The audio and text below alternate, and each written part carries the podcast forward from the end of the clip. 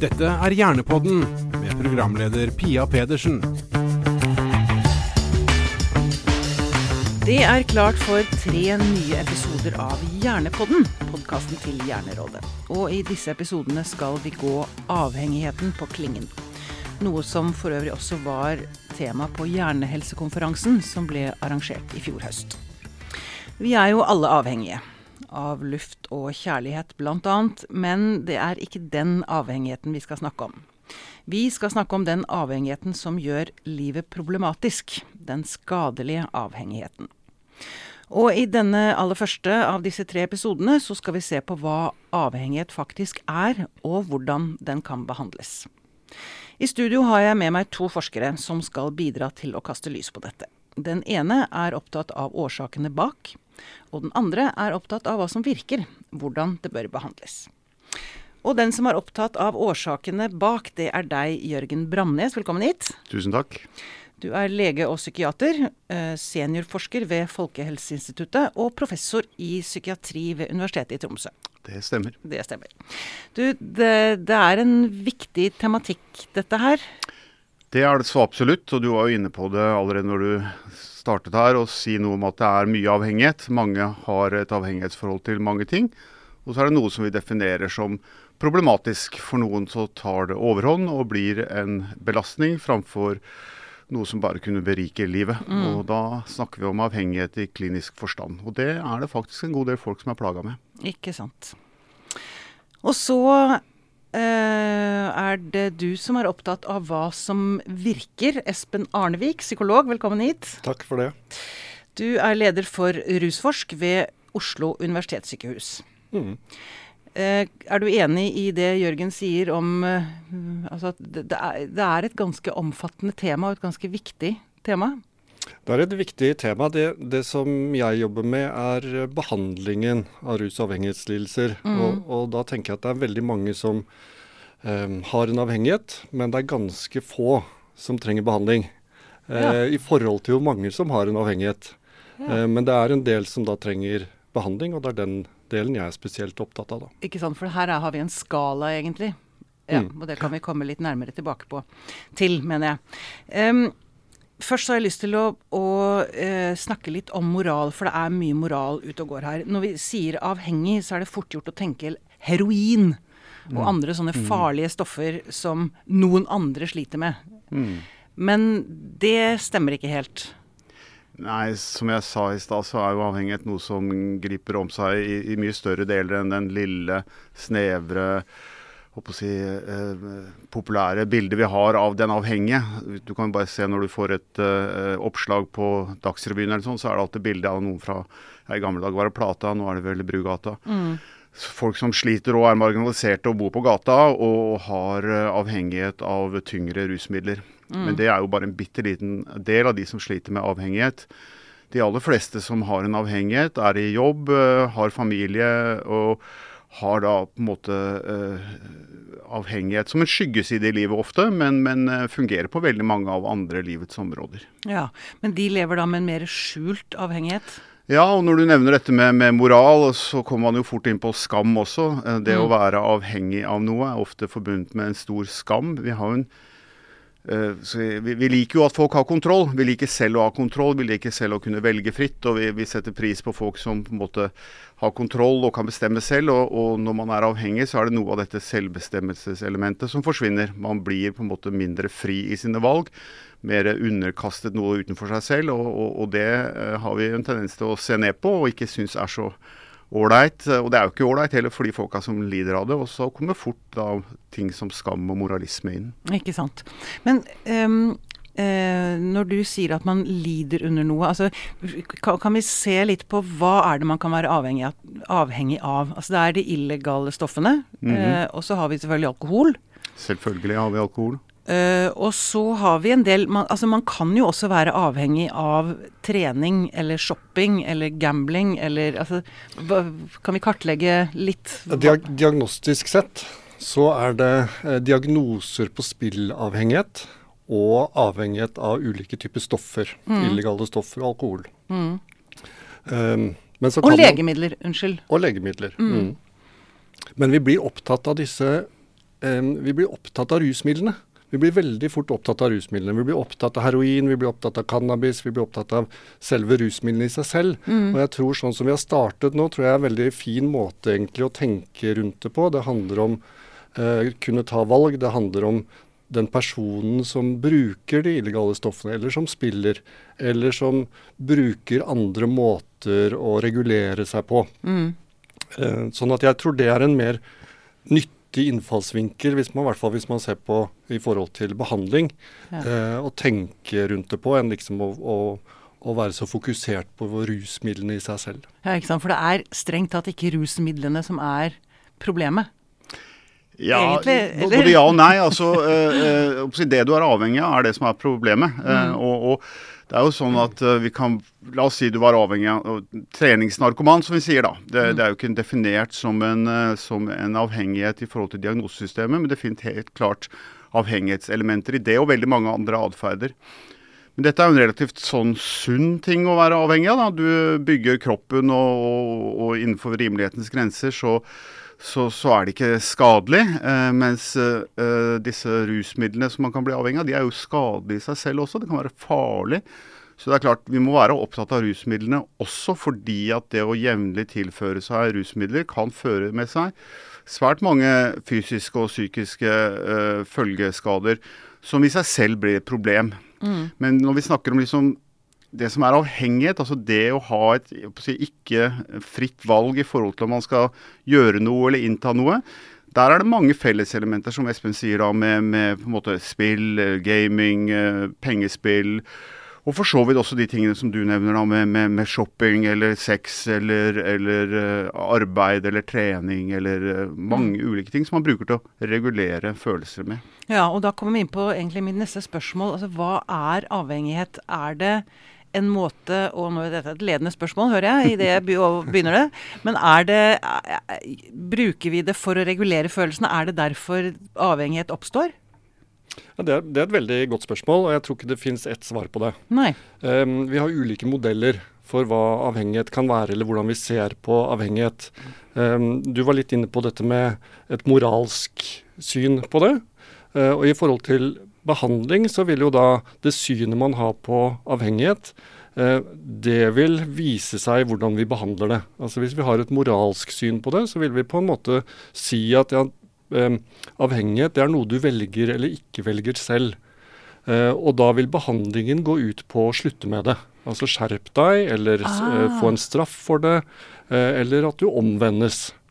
Eh, Moralen sier at det er, din, det er ditt ansvar, det er du som gjør Det er du som har en, det er en ja, feil ved deg. I stor grad. Eller du er svak. Ja. Mm. Og så kan vi ha andre typer modeller rundt avhengighet, som f.eks. er at det ligger en psykisk lidelse bak avhengigheten. Mm. Eh, altså at du er deprimert, og så bruker du ulike typer rusmidler, eller eh, du gjør ulike typer atferd for å føle deg bedre. Um, eller, du har en, eller du bruker det for å regulere deg. Og da vil behandlingen også følge den måten du ser på avhengighet på. Så behandlingen vil følge på en måte modellen du har for avhengighet. Ja, du som behandler. Du som behandler, eller samfunnet, samfunnet. eller de rundt deg. Mm. Men tenker du at samfunnet har en sånn veldig moralsk tilnærming til denne problematikken? At de legger ansvaret på den som misbruker, eller Sånn har det historisk sett vært. Det Mm. har vært et veldig stigma med å bruke rusmidler eller være avhengig. Um, og vi har, vi, vi har da hatt fengselsstraff, og har fengselsstraff. Eh, vi tenker at det å omvende rusavhengige eh, har noe for seg. Eh, sånn at det er ulike måter vi har møtt det på. mm. Uh, men så har vi også gått videre. Vi har ulike typer modeller. Vi har den medisinske modellen, som, som sier, som, som Jørgen også er inne på, um, at det er noe med stoffene i seg selv. Det er ikke et valg vi tar, det er stoffene. De påvirker vår funksjon. Mm. Eh, sånn at når vi da skal behandle, så må vi gjøre noe med det. Og da har vi substitusjonsbehandling, altså at vi går inn med legemidler som kan, eh, som kan ta over de funksjonene, sånn at man kan i større grad velge andre ting, være i jobb, fungere i Ja, sånn som antabus eller eh, metadon eller Ja. sånne type ting. Mm. Mm. Så det er mer den medisinske modellen, og den bruker vi jo også i dag. Mm. Så jeg tenker vi har mange ulike modeller eh, som gjør at vi behandler rusavhengige eller avhengige på ulike måter. Mm. Jeg syns vel kanskje at vi har eh, historisk sett beveget oss fra en ganske sånn moralsk modell over på en mer medisinsk modell, eller psykologisk for den del. Altså hvor vi i mindre grad legger vekt på personens moralske forfall eller at man er et dårlig menneske, og vi mer og mer sier at dette er noe som personen har i tillegg til å, å, å til å, eh, til å, være seg selv. Da. Eh, slik at man er, er, ikke sin rusmiddellidelse. Man er en person, og så har man en rusmiddellidelse i tillegg. Mm. Dette er et skille som jeg syns er veldig viktig å ha. og det, det, bygger også på en mer sånn medisinsk eller psykologisk forståelse av, av, av, disse problemene. At det er ikke alt ved personen som er dette rusmiddelproblemet eller denne avhengighetsproblematikken. Mm. Men når du da forsker på årsaken til hvorfor blir vi avhengige, er det um, holdt på å si uh, Er man svakere, eller har man uflaks? Eh, hva er det som gjør at noen utvikler avhengighet og andre ikke? Det er et veldig stort spørsmål. Det, for det forstår jeg. men, eh, men, eh, men, det fins noen svar. Det er skrevet bøker, og jeg har også skrevet bøker om, om dette.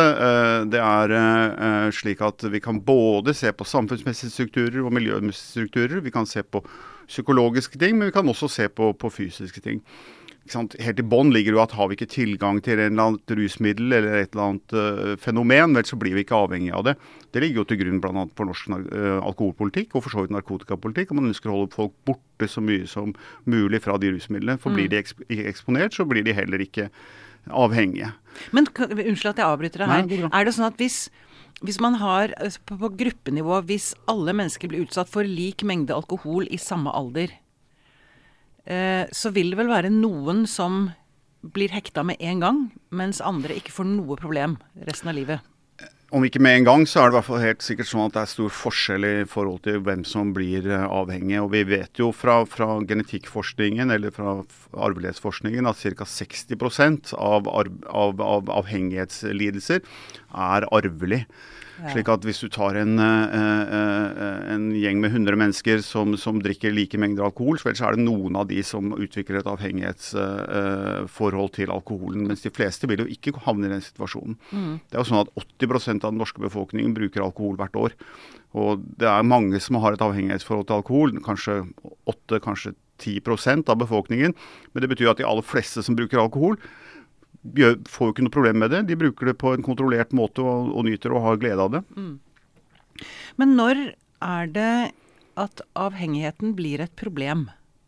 Har dere noen, noen sånn skala på det, eller en slags eh, parameter på når Kaste det til Espen jeg driver med behandling, for han driver jo da og sier du, du, du på en måte trenger hjelp, mens du trenger ikke hjelp. og Da vet du vel også hvem det er. Altså Vi har diagnostiske kriterier mm. på, på når man sier at det er en eh, avhengighet til stede. Mm. Um, og Der er det ulike typer kriterier som, som, må oppfylles for at man får en diagnose.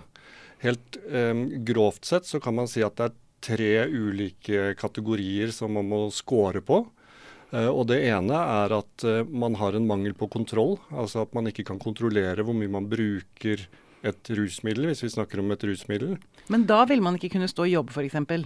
Hvis man, så, hvis man, ikke kan kontrollere det? Eller? Jo, man kan, det kan ja, man, ja. Kan, man, kan, ha det ukontrollert og bruke det ukontrollert utenfor jobben man er i.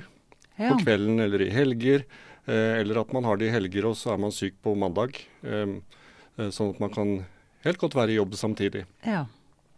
Eh, så er det også at man har en toleransekriterium. Det betyr at, da, at man da um, øker toleransen for det rusmiddelet man bruker, sånn at man må ha mer av det samme mm. uh, for å få samme effekt. Uh, og så er det også dette med å slutte, at man får abstinenser, eller at det er et problem med å slutte. Mm. I tillegg så er det uh, at det går utover sosiale ting. Altså at man får mindre tid, mindre interesse av venner, av hobbyer uh, eller av jobb etter hvert. Da. Mm. Så dette er kriterier som man må oppfylle for å få en avhengighetsdiagnose. Ja. Ok. Um, og det er jo da liksom litt sånn inngangsbilletten til behandling. Og må det jo sies at de fleste som oppfyller disse kriteriene for en eller annen uh, avhengighetsproblematikk, de kommer jo ikke i behandling. Uh, det er en veldig underbehandling av avhengighetslidelser. sånn at bl.a. fra vet vi fra alkoholfeltet at uh, under 10% av de som oppfyller kriteriene for alkoholavhengighet, kommer til behandling. Så vi behandler svært få. og det ikke, jeg sier ikke at alle de 100% skulle vært i behandling, for mange ting, og kanskje de fleste, går over av seg sjøl. Det skjer ting i livene til folk, eller de snur litt på flisa, eller de, ja, de får til ting på annen måte som gjør at de kommer ut av avhengigheten. Eh, men selv om vi bare tok de som virkelig kunne ha nytte av og virkelig kunne trenge behandling for ulike avhengigheter, så har vi en klar underbehandling av, av avhengigheter. Bare 10% det er, det er ganske lite? Det er en veldig lavt tall. Eh, og, og det er spesielt lavt på alkoholsiden, da, som er eh, vår mest utbredte avhengighet som, som, oppfyller kriterier. Mm. Det har jo å gjøre med at folk skjuler det, og ikke minst benekter de det overfor seg selv, og er ikke selv i posisjon hvor de sier at jeg skjønner at jeg har et problem, eller om jeg skjønner at jeg har et problem, så tror jeg kanskje ikke behandling nytter. Eller i hvert fall så jeg kan klare meg uten behandling. Jeg kan klare det sjøl. Eller det er for mye skam. Man orker ikke Og så er det mye skam, ikke sant. Mm. Det, det, det, kommer hele tiden inn at det f.eks. å ikke innrømme over seg sjøl, det er klart det er fordi det også er skambelagt. Vi er jo kanskje de siste til å se våre egne problemer. Hvis vi spør de som står oss nære, så kan vel de skrive under på det i mange sammenhenger. Men også når det gjelder avhengighet, da, så, er det, mm. så er det vanskelig å innrømme overfor seg sjøl at dette har blitt et problem. Men så lurer jeg også på, kan det hende at det også er en del frykt der? Altså frykt for at noen skal ta fra deg den, det, det, man kanskje opplever som, som eh, bestevennen, eller altså støtte altså, Jeg klarer ikke å leve uten. Da går jeg under. Mm. Og da er det jo over på funksjonen til den avhengigheten mm. du har. Mm. Uh, og hvis man, en, hvis man, har en psykologisk modell, og tenker at ja, men dette er bra for noe. Det er noe jeg, jeg bruker for å enten få mer av noe, altså for å bli mer sosial, um, føle meg bedre, eller for å ta vekk noe, da. For mm. å ta vekk en sosial angst, eller for å ta vekk noe Depresjon, depresjon eller frykt eller, eller uh, ensomhet eller uh, Så er det klart at det vil du jo miste, og det er, det er skummelt å skulle miste det. Mm. For mange er jo avhengigheten den eneste stabile og forutsigbare vennen som alltid er der. Som en hund som ønsker deg velkommen når du kommer hjem, så vet du at uh, flaska aldri fordømmer deg, mm. alltid er tilgjengelig, alltid gir en påregnelig effekt ganske kjapt. Uh, og, og, og, etter hvert som folk mister ting i livet sitt, for det gjør mange folk pga. Av avhengigheten, det ligger jo selve diagnostiske kriteriene, så, så, er det ofte den vennen de står igjen med. Mm. Og det må vi som behandlere være veldig klar over. At vi, at vi tar fra folk noe. Altså. Folk, folk bruk, er jo ikke avhengige fordi de vil seg selv vondt. De er jo avhengige fordi det gjør dem godt. Mm. Og det må vi alltid huske på. Og eller at de ikke ser noe alternativ. De finner ikke mm. alternativet mm. til den vennen, da? Nei, men ofte ikke. Altså, jeg snakket med mange som er avhengige av ting. og sier at I hvert fall de første årene jeg var avhengig av dette, så var det ingen behov for å slutte eller for å finne på noe annet eller problematisere det hele tatt. Det var bare bra. Ja, ikke sant. Mm. Apropos dette, da. Når man som, øh, for å ta et skritt tilbake, hvis man står som pårørende til en som sliter med en avhengighet, vi snakket om det at den avhengige selv kan ha vondt for å innrømme det, ikke vil innrømme det, for mye skam. Som pårørende, hva kan man gjøre? Jeg vet at jeg har hørt at, uh, at noen sier at de pårørende må uh, slippe taket, fordi hvis ikke de slipper taket, så havner de selv i psykiatrien. Fordi det så, kan være så tungt. Er det sånn? Kan man som pårørende få noen til å, å altså hjelpe noen til å slutte med noe? Jeg vet ikke hva du vil si, Espen? Jeg tror ikke man som pårørende kan få noen til å slutte. Jeg tror at man, Det må man gjøre selv. Mm. Eh, men det er helt klart at pårørende er jo en helt uvurderlig støtte mm. for de som eh, skal slutte eller som har et problem med det. Og kan også være um, viktige i å få personen til å innse at det er et problem. For det kan være vanskelig å se selv, og da kan man jo speile seg i Eh, noen andre, hvor pårørende er de nærmeste, og kanskje de som ser det best og tidligst. Mm. Hva, er, hva, har dere lyst til å si til, eller du lyst til å si til pårørende som står ved siden av, er bekymret, når ikke gjennom?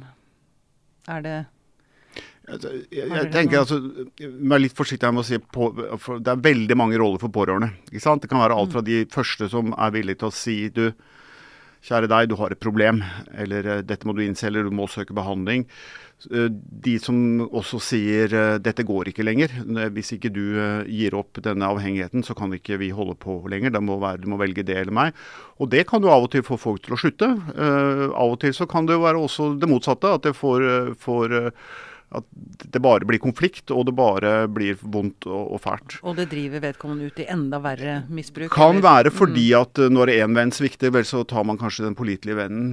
Men så nevner du jo dette med at, at pårørende kan ha en kjempestor belastning. Og det er klart veldig veldig mange pårørende har en veldig stor belastning. Jeg har snakket med ganske mange avhengige som sier ingen skal blande seg i hva jeg gjør i mitt liv. Og, og, jeg, og jeg, uh, hvis jeg velger å ødelegge min kropp, så, så, så, så er det mitt valg. Ja, sier jeg, det er hvis du var helt aleine, men det er ingen som er helt aleine. Alle har noen pårørende. slik at du belaster ikke bare deg selv, du belaster også et helt system, sosialt system rundt deg. Og Mm. jeg har truffet såpass mange pårørende som, som er forferdelig belastet av dette. Jeg Var på et seminar nå før sommeren hvor eh, en sånn pårørendeforening, og da var det veldig mange der som for første gang hadde uh, tatt mot til seg å komme til denne samlingen og, og og face det at de hadde uh, avhengighetsproblematikk i sin familie. Og der var det sånn at vi måtte avbryte uh, forelesningene forelesningen underveis fordi folk brøt sammen i salen. Og det var folk som skikkelig sleit, altså fordi de hadde brukt så mange år i sitt liv på å være pårørende i en forferdelig situasjon. Så har de gått og det- båret på det lenge, kanskje alene? Båret på det lenge alene. Og her var det et kjempestort spenn altså fra de som på en måte bare står i nærheten og, og toucher inn på det, til de som virkelig får livene sine ødelagt av det. Mm. Er det tilbud til Jeg bare tenker på hvis det sitter noen der ute nå som kjenner seg igjen, og som knekker sammen av å høre det du sier. Eh, er det noe sted de kan gå?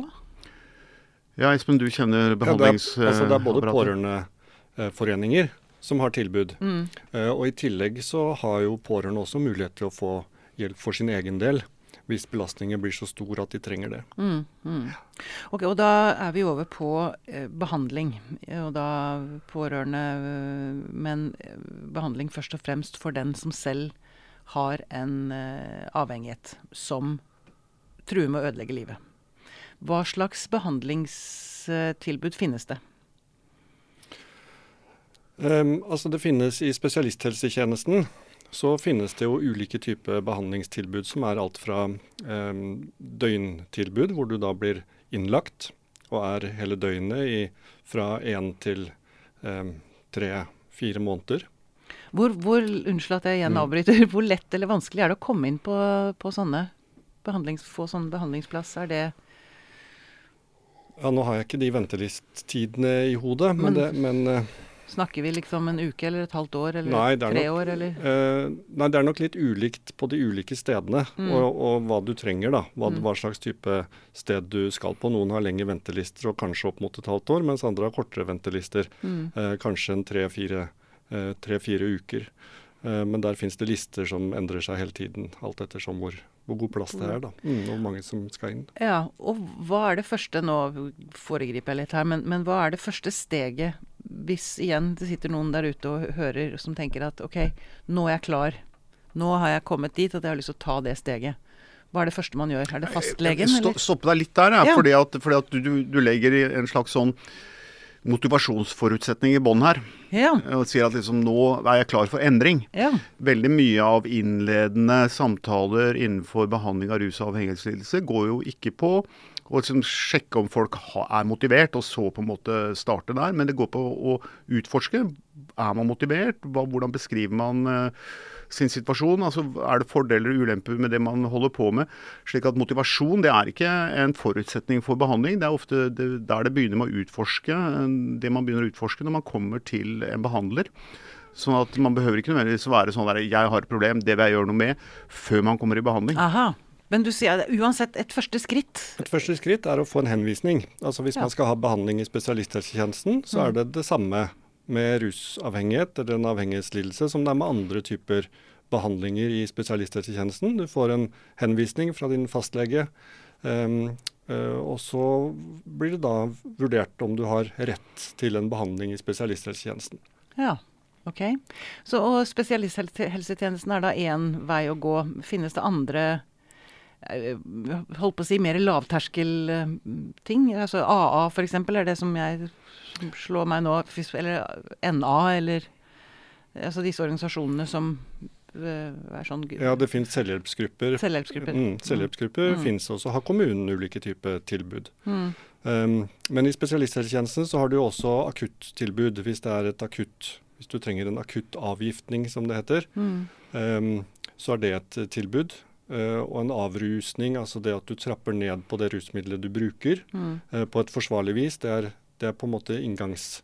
Det første du starter med når du skal inn i en behandling, dersom du skal på en døgnbehandling. Uh, da. Men så har du også poliklinikk, hvor du kommer da en gang i uken eller to ganger i uken, eller annenhver uke, uh, til samtaler eller til um, medisinsk uh, hjelp og behandling. Mm. Mm. Du, du antyder at på en måte det, skulle finnes noe på en måte nedenfor spesialisthelsetjenesten eller disse selvhjelpsgruppene. og det, det, gjør det jo, som du så vidt er inne på, Espen, med, med ulike lavterskeltilbud på kommunalt nivå. Ofte er jo Man kan snakke med fastlegen. Man kan snakke med presten, man kan snakke med sosiallæreren på skolen. Man kan snakke med kommunepsykologene som begynner å komme uh, rundt omkring. Uh, og uh, alle disse kan veldig ofte veldig mye om det å reflektere rundt, uh, rundt det problemet man kanskje syns man har. Mm. slik at man kan begynne refleksjonen rundt dette. og Det er, det er stadig flere fastleger men som har god kunnskap i endringsfokusert terapier. Mm.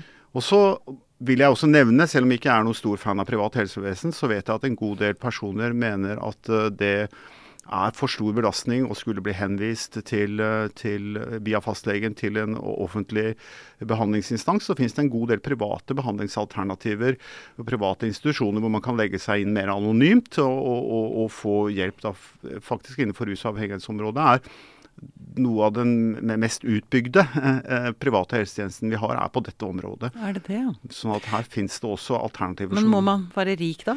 Ja, man må nok være rikere. Mm. Eh, eh, men, men det er ikke først og fremst økonomi som stiller seg i veien for at ikke mange nok får behandling i, i vårt land. Altså det er, handler om handler om uh, andre ting. Og, og, det å komme på at man kan få behandling. Det å vite at det finnes behandling. Mm. Det, å, det, at noen tror at behandling kan hjelpe osv. En rekke sånne andre ting. Ja, ja. Vil, men vil dere si at behandlingstilbudet er godt nok? Er vi gode nok på å behandle disse, disse problemene? Jeg vil si at vi har ganske lang vei å gå i rus- og avhengighetsfeltet før vi kan si at ja, nå er vi gode nok til mm. å behandle. Mm. Eh, det er mange utfordringer i behandling, og vi har ikke nok kunnskap eh, i feltet per i dag. Men vi kan mye, og vi kan hjelpe mange. Mm. Okay. Ja, det kan vi. Som jeg sa i stad, så har vi jo en underbehandling av veldig mange ulike former for avhengigheter. og og vi trenger å behandle flere, og da trenger vi også å involvere flere folk på mange ulike nivåer i helsevesenet og andre steder på å utdanne seg i kunnskap om, om, om, hva som skal til for å få folk i gang med behandling. Mm. Og så er det jo faktisk slik at mange kan få hjelp f.eks. ved når de hører på en ting på radioen, så, så, så tenker de at oi, jøss, kanskje jeg har et problem. Og så kan faktisk folk gjøre ganske mye sjøl. Ja. Det er jo faktisk sånn, altså det, det husker vi fra når det på 70-tallet ble sånn at folk begynte å bli klar over at røyking det er jo ikke noe særlig bra. Og Da var det mange som var avhengig av røyking, som slutta på dagen. Plutselig endra seg, og de var helt avhengig. Ja, ja, ja. Veldig mange kan faktisk ved enkel informasjon tenke at oi, kanskje det jeg holder på med ikke er så bra, jeg, jeg slutter. Mm. Og så kan de komme nærmest som en åpenbaring ut av en avhengighetsproblematikk. Men for mange er jo ikke det den måten de kommer ut av det på. Men jeg, jeg liker ofte å ta fram et sånt eksempel når det gjelder det med kontroll av avhengighet, fra, fra hva som skjedde når røykeloven kom. Veldig mange av de som uh, røyker, er jo avhengig av nikotin. Mm. De har ikke noe problem med å ikke røyke inne. De kan være inne hele dagen. Og, og, og, selv hvis det blir tilbudt en røyk inne, så sier de nei, jeg kan ikke røyke inne, jeg må gå ut. Mm. Så det betyr at selv når man er avhengig av nikotin, så har man ganske mye kontroll i forhold til, Og nikotin er en av de mest avhengighetsskapende stoffene vi kjenner. og Likevel så er det ganske mye kontroll. Jeg liker å bruke den type eksempler for folk å si at ja, riktignok har du en avhengighetsproblematikk, men du har jo også veldig mye ressurser som du kan bruke for å bestemme sjøl. Du behøver ikke la denne avhengigheten ta over livet ditt. Og for mange som har et avhengighetsforhold til ulike ting, så vil dette være så, så, så vil de kunne kjenne seg igjen i det. Altså kunne, kunne faktisk ta kontroll. Vi var inne på det eh, tidligere, eh, dette med moral og at vi er veldig opptatt av rusmidlene. Og så, Da vi snakket sammen på telefon i forkant, Espen, så sa du at vi lenge har tenkt gammeldags. hvordan tenker du at, eller dere begge, vi kan tenke nytt rundt dette feltet? For, for å åpne opp litt mot slutten her. Jeg tror at vi i mange år så har vi sett på dette som et moralsk eller et sosialt problem. Mm. Eh, og det hjelper oss ikke så mye i behandling.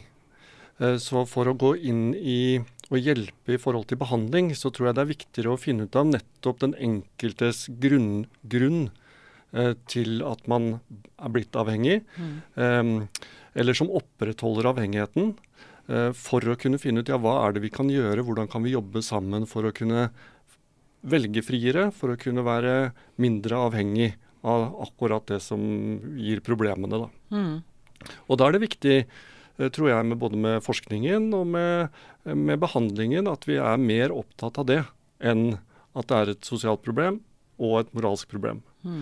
Um, sånn at Et eksempel kan være dette med å um, tenke at ja, en av de kanskje kjernekomponentene i avhengighet, det kan være nettopp det at jeg, eh, når jeg får en sterk følelse, så vil jeg unngå den følelsen ved å enten ruse meg eller gjøre en aktivitet som gjør at den følelsen blir borte. For jeg mm. tåler den følelsen dårlig. Mm.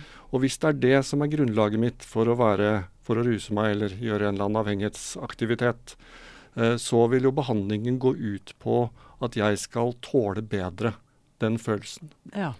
Eh, sånn at det å bli, å spisse behandlingen mer, være mer fokusert i den behandlingen vi gjør, eh, det tror jeg er den veien vi kommer til å gå eh, videre i, spesialisthelsetjenesten, i hvert fall. Mm. Mm. Jeg, jeg, ser jo også det når, jeg, når, du sier det, Espen, så tenker jeg liksom Hvis du ser på tvers av avhengighetene, hvis du ser liksom fra den ene til den andre, så er det ofte mye mer fellestrekk i bakgrunnen til folk som har ulike avhengigheter, enn ting som skiller dem. Altså, la oss si f.eks. angstlidelser eller depresjonsproblematikk så vil det vil være ting som er på en måte til stede og gyldig og overrepresentert på tvers av veldig mange avhengigheter. Mm. Og så er det kanskje mer tilfeldigheter og hva som byr seg, som, som, som, avgjør hva man blir avhengig av. Om det er pengespill eller gaming, eller om det er alkohol eller, eller, eller piller. Uh, og Da må vi jo ta tak i det som ligger bak der. Og vi må jo behandle depresjoner, vi må behandle angstlidelser. Fordi det er ofte det pasienten eller vedkommende eller avhengige har gjort sjøl. De har behandlet eh, mm. veldig kort og akutt, og ganske effektivt, for alkohol er en god angstfordriver. Uh, dette med noe som har da vært en løsning først, men som har blitt et problem. Mm. Hvis vi da tenker bare på rusmiddelet, og ikke tenker, eller på den avhengighetsatferden, og sier du skal du ha tider på internett, eller du skal ikke få spille for penger, eller du skal kutte ut alkohol, men ikke tar tak i det som ligger bak, vel, så kommer vi ikke til målet. Så der må vi da absolutt individuelt tilpasse og se hva er det som ligger i bånn her. Mm. Hva, hvorfor har det blitt sånn? Mm. Og gå et skritt videre enn selve avhengigheten. Mm. Og så lurer jeg også på til slutt om altså disse, hvis, hvis, det er 10% som eh, får behandling, altså hvordan når man flere? De andre 90% som ja. kanskje altså sliter tungt selv, og som gjør at pårørende, og kanskje kollegaer og venner og, sant, sliter tungt. Hvordan når man dem? Er det noe mer man kan gjøre, vi som samfunn kan gjøre der, tenker dere? Jeg tror at vi skal være det ene eh, vi som helsepersonell kan være mer obs på. Det er eh, når det kommer pasienter til behandling for det som ikke ser ut som et avhengighetslidelse, men som kanskje er der likevel. Ja. På legevakten så er det mange som kommer ramlende inn med noe som de har brukket, eller eh, fra en slåsskamp eller andre ting. Og, og, være mer oppmerksom på er det noe annet som ligger bak. Er det, er det bare bandasje man skal ha, eller skal man også ha tilbud om en liten samtale ved siden av? Stille noen spørsmål som mm. går litt dypere enn bruddskaden. Vi har sagt at kanskje er det så mange som 8-9% av befolkningen som har en avhengighetslidelse til enhver tid, eller kanskje enda høyere tall. Hvis du går på en medisinsk avdeling, så ligger tallet på 20-25 ja. Slik at, eh, og, og, og, det er ikke tall som er anerkjent. sånn at der, Vi har en masse sånne muligheter til å tilnærme oss problemet som ikke i dag blir benyttet uh, godt nok. Også- Videreutdanning av helsepersonell, altså det Ja. burde være en, eh, no, noe altså, Ja, og så er det jo, skal vi ikke gjøre oss bedre enn at helsepersonell også har sine fordommer og sine, sine moralistiske tanker også. Og eh, i moderne helsevesen så er det også litt sånn at vi skal gjøre akkurat den jobben vi er satt til, og så skal vi ikke bry oss så mye om det hele. Så, om alt mulig annet. Slik at jeg tenker at også det at vi, når vi treffer et menneske i en sårbar situasjon, at vi bruker denne muligheten til å problematisere litt bredere enn akkurat det vi har rett foran oss, kunne hjelpe til å plukke opp noe avhengighetsproblematikk som kunne behjelpes. Mm. og så må vi forsterke troen på at behandling nytter, for det vet vi at den gjør. Men jeg tror ikke alle tror at den nytter. Og, og, og sånn sett hjelpe folk til å få litt håp om at det finnes eh, en vei ut. Veldig bra. Er det noe dere har lyst til å føye til eh, på slutten her, som eh, vi ikke har vært innom, som dere mener er viktig å få med? Eller noe dere har lyst til å understreke? Det var jo uansett en fin, et fint sted å slutte dette med håpet, Jørgen. Men eh, det kan hende det er noe jeg kan understreke det. Jeg tror også at håpet er viktig å holde oppe. Og det håpet er viktig selv om man kanskje eh, underveis i en behandling har et tilbakefall.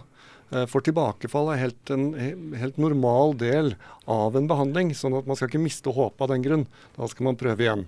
Ja. Eh, Og det gjelder både den som er i behandling og pårørende eh, rundt den som er i behandling. Det er som når man skal lære noe nytt, så må man øve, tross alt. Og da må man falle litt, Da må og så falle litt. prøver så- man igjen. Ja. Bra. veien kan være lang, men det betyr ikke at veien ikke når fram allikevel. Nydelig. Tusen takk for at eh, dere kom i studio, Jørgen Bramnes og Espen Arnevik. Takk for det. Takk. Denne podkasten er produsert av Tid og list. For Hjernerådet.